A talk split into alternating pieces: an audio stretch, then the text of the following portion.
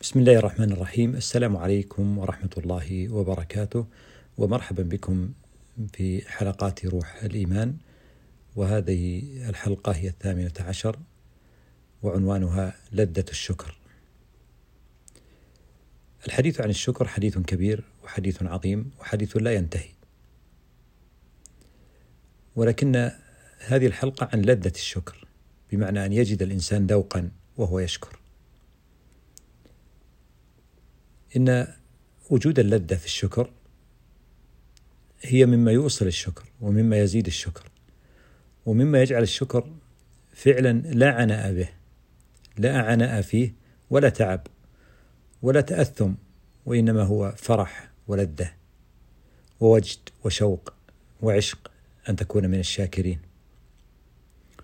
هذا الشكر إذا عرفت أنه منه الظاهر ومنه المتخفي فالظاهر في أفعالك والظاهر في أقوالك والظاهر في نظراتك والظاهر في كل ما تفعله من المحسوس والمدرك.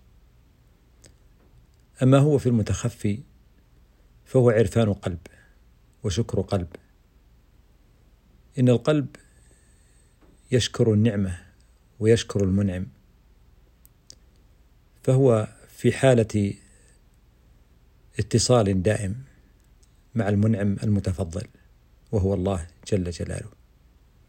فالقلب يشهد عظمة الله في المقام الأول ويشهد في المقام الثاني أن الله سابق بالفضل على من تفضل به فهو يسبق بالفضل فيشهد القلب ذلك.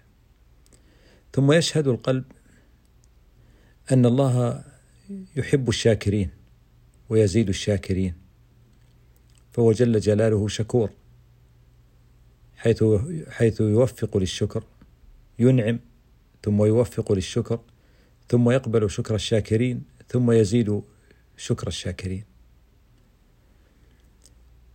هذا الشهود القلبي والحضور القلبي مع المنعم يجعل الإنسان في حالة لذة عميقة مسافرة من الشكر والعرفان وشهود الفضل بل والسبق بالفضل. وعندما يمتلئ القلب بهذه المعرفة النورانية القلبية فإنه يبدأ بالمشاهدة. فيشاهد القلب يرى يرى ما هو قادم عليه. فقد اعتاد أن يرى السبق بالفضل وقد اعتاد أن يرى قدوم الخير إليه. فهنا هنا فهو فهو هنا في مقام من اليقين. يعلم أنه لا يأتيه من الله إلا الخير وأنه قد تعود على هذا الطريق وما يأتيه منه وهو يعلم يقينا وأن لو استقاموا على الطريقة لأسقيناهم ماء غدقا. فيبدأ القلب يلهم المشاعر النفسية فترتاح المشاعر وتثق وتتوقف عن المقارنة بالواقع أو بالمخاوف أو بالأوهام. ثم أيضا هذا القلب الممتلئ بالشكر والعرفان يهدئ الأعصاب. ويهدئ حركة الأذهان فتبدأ بالراحة وأيضا المشاركة لأن الأذهان إذا لم تشاركك اللذة نغصت عليك هذه اللذة. ولكنها عندما تستلهم من قلب شاكر فإنها تبدأ بالمساندة والمساعدة فينسجم هذا الإنسان على إيقاع الشكر. فيجد بعد ذلك وفرة الحال وانبساط ما هو فيه وما هو إليه فيزداد شكرا فيزيده الله فضلا وهكذا هو يرتقي في مراتب الشاكرين. من الجميل أن يعود الإنسان نفسه على هذا الشكر القلبي وعلى الشكر الظاهر.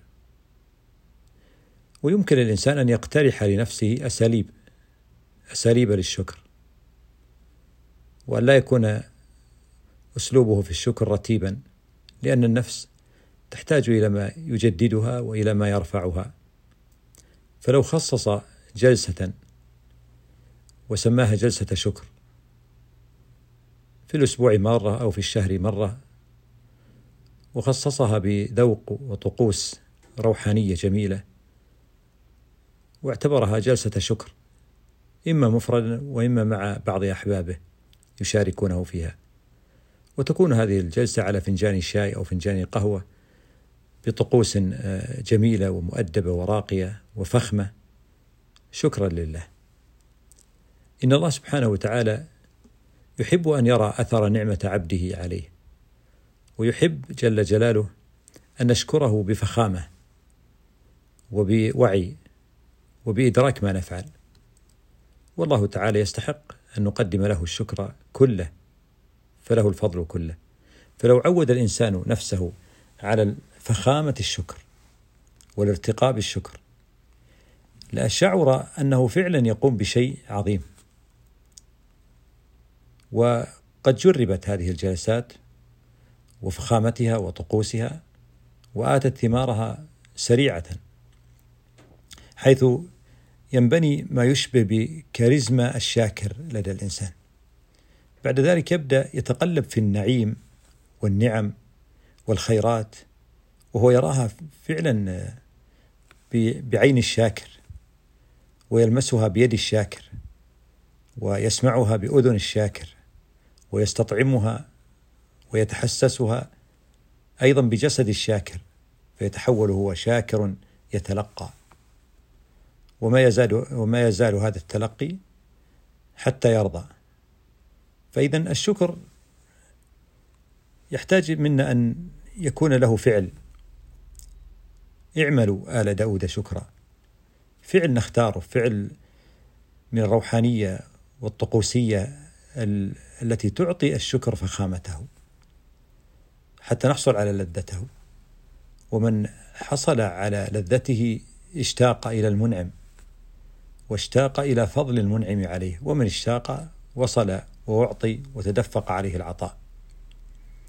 أسأل الله سبحانه وتعالى أن يعيننا وإياكم على ذكره وشكره وعلى حسن عبادته وأن يجعلنا في مقامات الشاكرين وأن يصلنا من النعم بالنعم ومن النعم بالنعم وبالمنعم جل جلاله وفاض جماله وتقدست أسماؤه ونلتقي بإذن الله تعالى في لقاء قادم.